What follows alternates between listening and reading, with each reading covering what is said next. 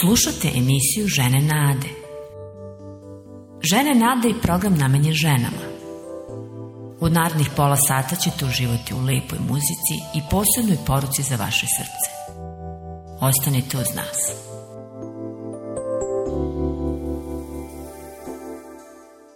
Pretpostavljam da je skoro svaka od nas čula čuvenu priču Ružno pače od Hans Christian Andersena, danskog pisca i pesnika. Majka Patka je nestrpljivo čekala da joj se pačići izlegu. I kada se to konačno dogodilo, jedno pače je bilo sasvim drugačije od ostalih. Štrkljasto, veliko, baš ružno. Ali vreme je učinilo svoje, pa je ružno pače odraslo u prelepo glabuda, u jedno od najlepših ptica na svetu. Da, Tanja, to je baš prelepa priča. Na izgled samo dečija bajka.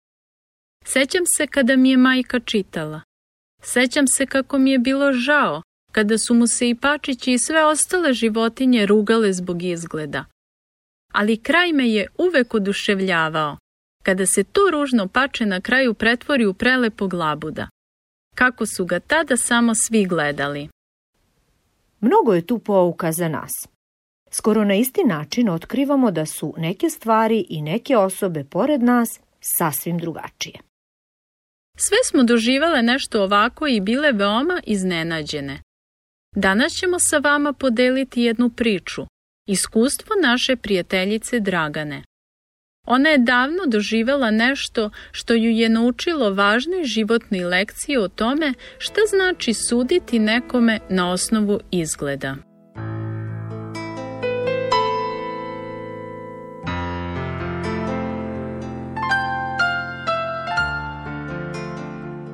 Dobrodošli u program Žene Nade.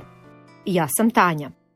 Malo pre sam se setila jedne poslovice koja, verujem, postoji u svim delovima sveta u nekom obliku. Ne sudi o knjizi po koricama. Slažeš li se, Biljo? Svakako. Ali hajde da vidimo šta to znači. Kakve god da su korice neke knjige, nemamo pojma kakav je sadržaj, o čemu je reč. Isto i sa ljudima. Prebrzo sudimo o mnogima, zar ne?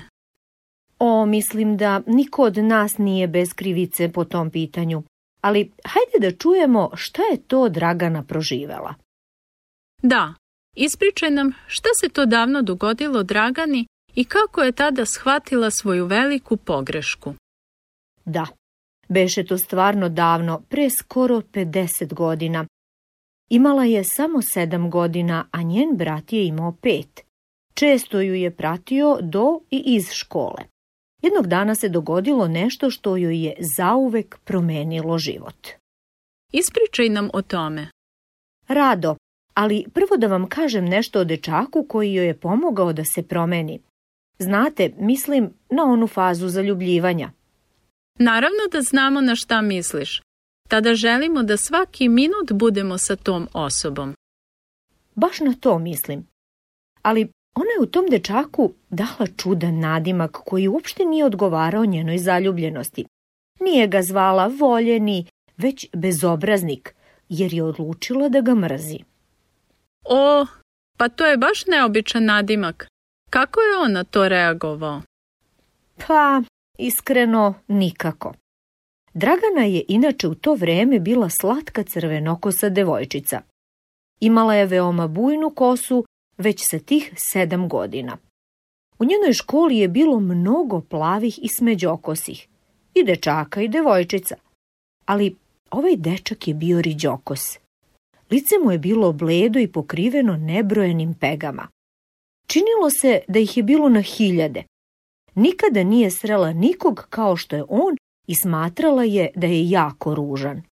Zapravo, zbog toga je mislila i da je jako loš, čim izgleda tako. A ako je takav, onda je mislila da treba da ga mrzi. Pa šta bi drugo? Da, jednoj sedmogodišnjakinji to verovatno zvuči sasvim ispravno. Da li je i njen mlađi brat osjećao isto prema njemu? O ne, zapravo nije ni znao za njena osjećanja sve do tog važnog dana. Aha, sada dolazimo do tog dana. Jeste. Oboje su se vraćali iz škole i Dragana je primetila da njen bezobrazni drug korača iza njih. Možda je tako zvala, iako mu je dobro znala ime. Došapnula je bratu da ih prati jako ružno biće i da će im biti bolje ako pruže korak. Zatim su potrčali. Ali tada je usledilo iznenađenje. I on je potrčao za njima. Nije, ali je njen brat pao i jako gadno povredio koleno. Počeo je da plače na sav glas. Školska torba mu se otvorila i sve iz nje se prosulo. Morala je da stane i da mu pomogne. Ali veoma se iznenadila kada je shvatila da se i njihov omraženi poznanik već stvorio kod njih. Znači stigao ih je. Jeste, ali nije ih napao. Zapravo kleknuo je da im pomogne. Tešio je njenog brata, sakupio svaku bojicu i zatvorio mu torbu. Dragana je bila zapanjena. Nije mogla da veruje. Pa uradio je nešto sasvim, sasvim normalno, što bi bilo koje drugo lepo vaspitano dete uradilo, zar ne? Da, bilo koje dete, ali ne i ovaj riđokosi kojeg je ona nepravedno etiketirala kao lošeg i bezobraznog. Znači daleko od toga da je bio to. Ne samo da nije bio loš i bezobrazan, već im je tako lepo i nesebično pomogao. Znate, oni su bili jedna od izbegličkih porodica koja se preselila u sasvim novi kraj, u kome nije bilo nikog poput njih. Oni su zapravo bili drugačiji od ostalih. Oni su bili to ružno pače. Njih su nazivali ovim i onim imenima. Ali ovaj dečak je prevazišao tu predrasudu i iskazao im je ljudskost. To do tada oni nisu doživeli ni od koga. Dakle, dok su ih svi ostali gledali popreko i bili okrutni, on je postupio suprotno. Jeste, onaj za koga su mislili da je loš pokazao se najboljim od svih. To mora da ih je jako iznenadilo. I te kako. Tada je postala svesna da to kako neko izgleda s polja ne znači da je takav iznutra. Srce je važno. Mi ljude cenimo po izgledu, a Bog gleda srce, gleda unutrašnjost. Često to previđamo. Zapravo, ljudi često jako vešto sakrivaju ono što nose u sebi, ali Bog zna sve i vidi sve. Eto, Dragana je tog dana za tren zavirila u srce ovog riđokosog dečaka i videla tu njegovu unutrašnju lepotu. Ipak, bilo bi lepo da je od tog dana prestala da osuđuje druge. Nažalost nije. Kao i svi mi i ona je ponovo pravila greške i bespotrebno osuđivala druge. Sa druge strane je kasnije u životu doživjela da i na izgled prijatni ljudi nisu takvi na delu. Svako od nas nakon povređivanja postaje jako oprezan i nepoverljiv, zar ne? Zato je važno da shvatimo da je u neku ruku takav oprez normalan, da je za očekivanje izbjegavanje opasnosti i povređivanja. Ali predrasuda nas uvek tera da donosimo odluke pre nego nešto saznamo i otkrijemo. Tog dana, na putu iz škole kući, naučila je da ne donosi zaključke o bilo kome dok ga ne upozna. Svako zaslužuje priliku da mu se veruje. Recimo, ja osjećam prirodnu sklonost prema onima koji su drugačiji od mene, čak veoma drugačiji. Posebno mislim na ljude drugih kontinenata i kultura. Zbog toga danas imam mnoge drage prijatelje koje nikada ne bih upoznala. Bogu hvala što nas je kao ljude stvorio različite i rasporedio po ovom svetu. Hvala mu i za svako iskustvo.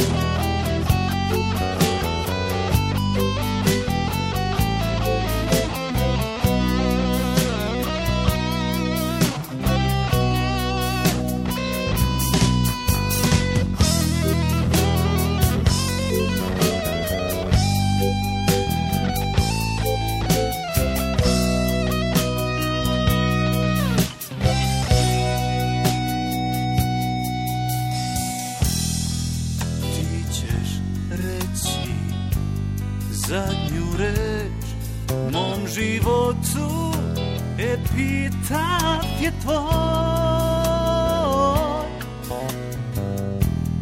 Pepeo i prah Biser i sjaj Sve sam bio, al sada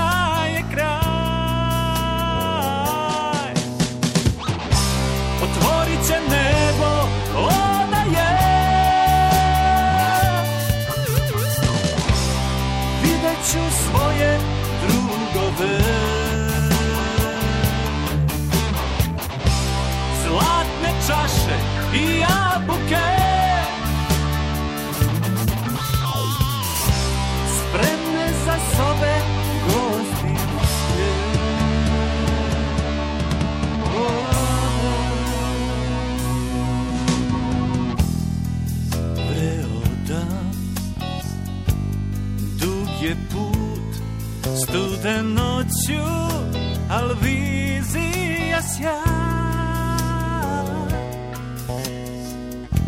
Ja nikad nisam hteo Biti jak, niti vojnik Nit morna, nit kraj. Znakovi kraj puta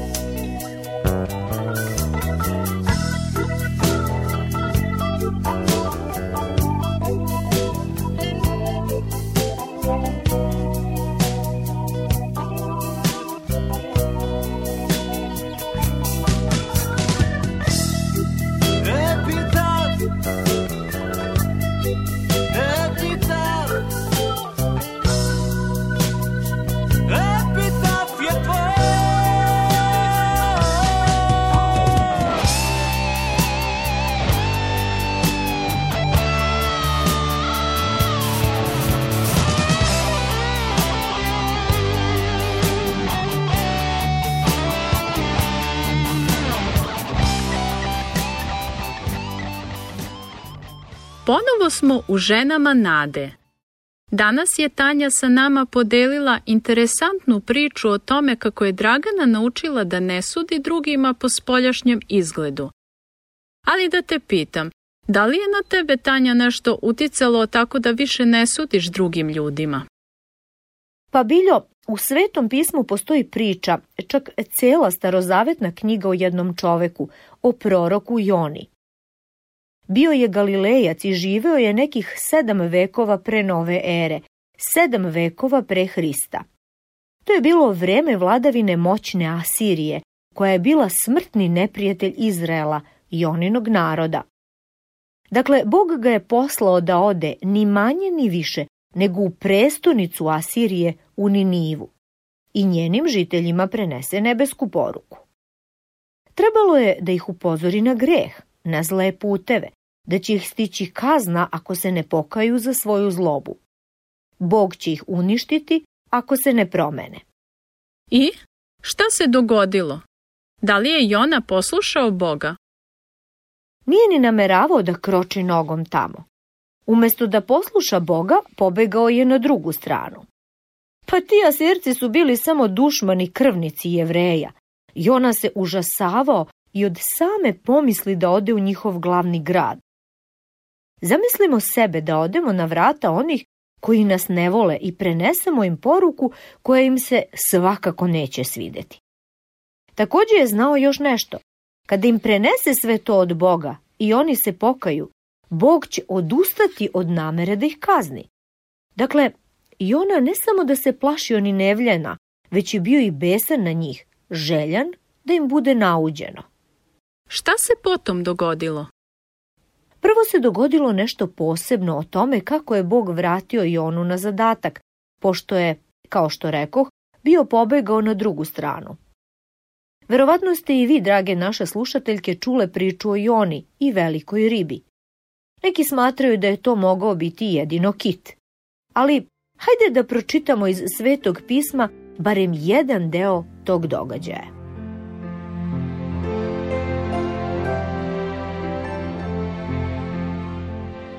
Jona ustade i pomegne od gospoda u Tarsis.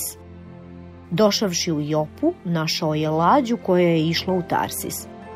Platio je vozarinu i ukrcao se u nju da sa njima ode u Tarsis i pobegne od gospoda. Ali gospod podiže veliki vetar. Nastala je velika bura na moru, pa izgledalo da će se lađa razbiti. Uplošivši se, mornari su počeli da prizivaju svaki svog boga i da izbacuju u more tovar što je bio u lađi da je olakšaju. A Jona je sišao pod palubu, legao i zaspao tvrdim snom.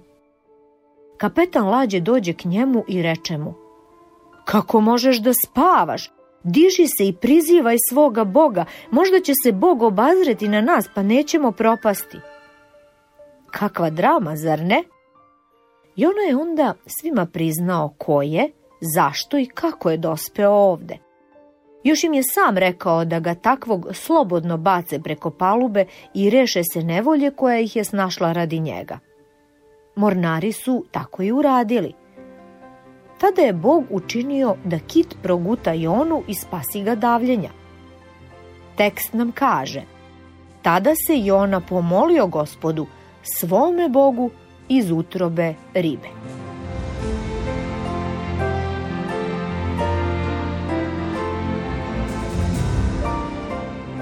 Zamislimo sebe na Joninom mestu. Prvo u užasnoj oluji, zatim bačen s palobe u divlje talase. I kada se pomirio sa sudbinom, Kit ga je progutao. Zamislite da ste utrobi ove gredosije. I to je bio čas njegovog otrežnjenja. Počeo je da vapi Bogu, da se kaje i čitamo dalje.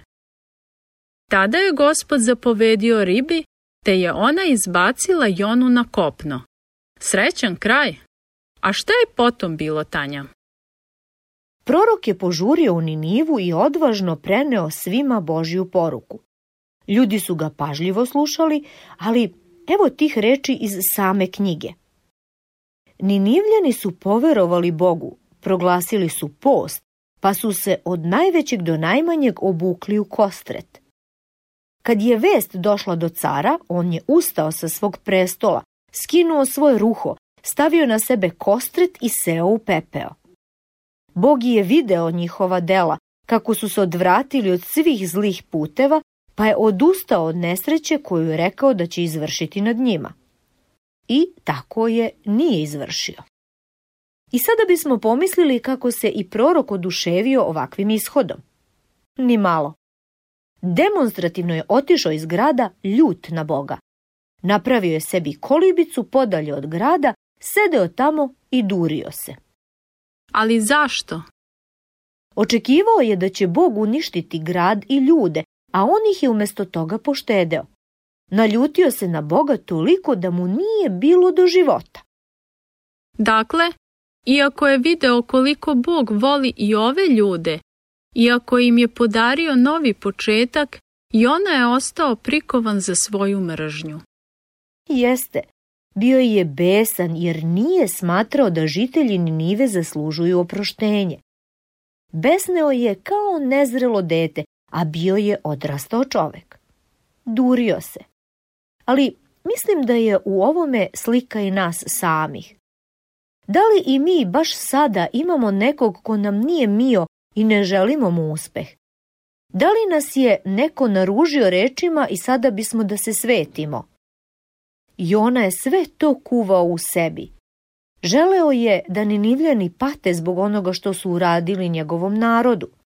Ali nije mogao da im pogleda u srce i vidi ono što je Bog video.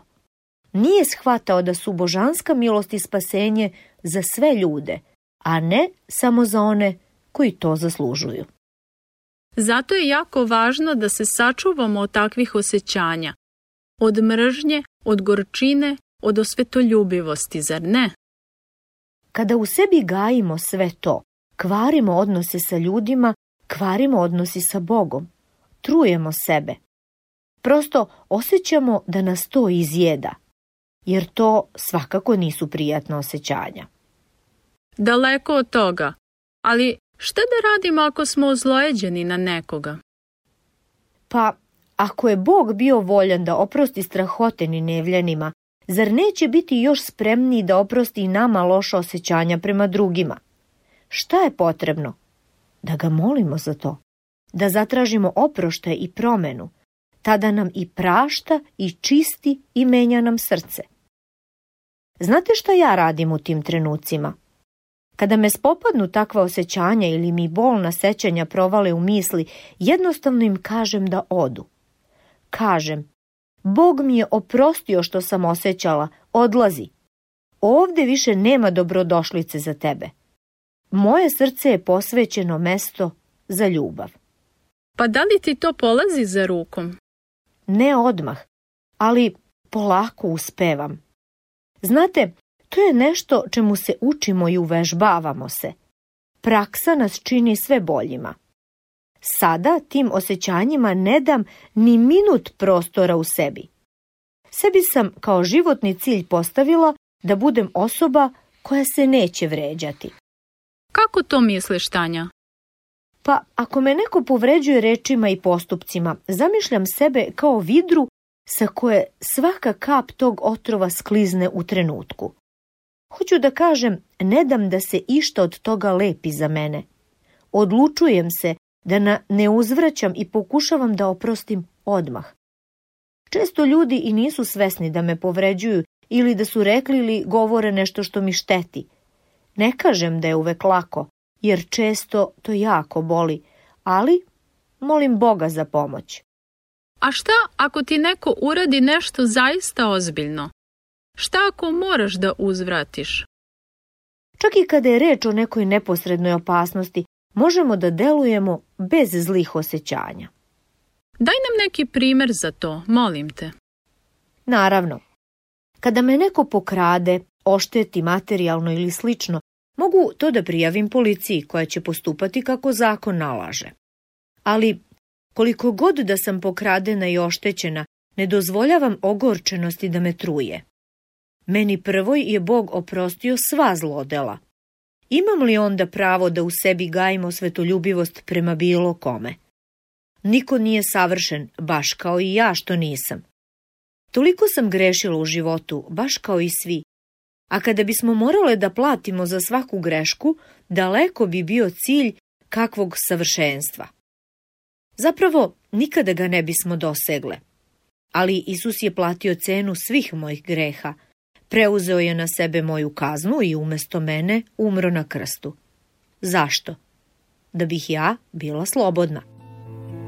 Ponekad sednem iza svega i zavirim u srca ljudi njihova lica ponekad gledam i ne vidim mnogo jer nemaju mnogo ponekad prođu sa zastavama i sa ukočenim osmesima sa ožiljkom na čelu i sa tužnim pogledom sa umorom u kosi ponekad viknem na prolaznike i zaplačem na glas što ne veruju u onoga koji umro za nas i onda vidim tajno kako polako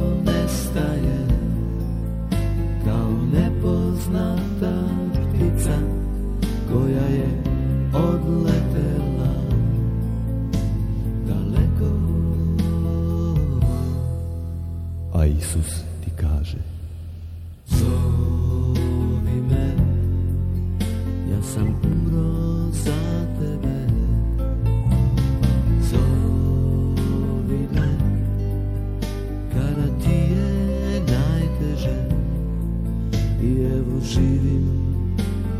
i postojim čoveče živećeš i ti ako veruješ Dobrodošli nazad u program Žene Nade. Biljo, da li si ti savršena? Mislim, nikada se ne ljutiš. Pa, šta bi ti Tanja rekla za mene? Naravno da nisam savršena. Možda me ovde ne vidiš ljutitu, ali to svakako ne znači da mi to osjećanje nije nepoznato. Da, sve mi u ovome grešimo. Svesna sam da u sebi nosim loša sećanja prema ljudima koji su me povredili nekim rečima ili postupcima. Ali Isus je umro da bi sve to preuzeo na sebe, ono što smo mi zaslužile. Božja reč nam kazuje da je vaskrsnuo, da je sada pred nebeskim ocem za nas. Zato imamo pravo da ga molimo za oproštaj. I divno je što on stvarno prašta. Upravo si. Hajde da ga baš sada molimo. Drage naše prijateljice, pridružite nam se. Nebeski oče, hvala ti što si poslao svog sina Isusa da na krstu umre preuzimajući kaznu za sve pogrešno što smo rekle ili uradile. Molimo te oprosti nam i pomozi da praštamo drugima sve reči, sva dela kojima nas povređuju. Pomozi nam da ne gajimo u sebi osjećanje besa ili ogorčenosti protiv tih osoba. Molimo te u to predivno moćno ime Isusa Hrista. Amin. Evo nas još jednom na kraju emisije Žene Nade. Volele bismo da nam se javite sa svojom pričom, pitanjima, predlozima. Javite nam se na Žene Nade, poštanski pregradak 37, 11060 Beograd ili na telefon 062 396 331. Hvala što ste bile sa nama. Radujemo se sledećem susretu. Bog vas blagoslovio sve. Do slušanja. Pozdrav!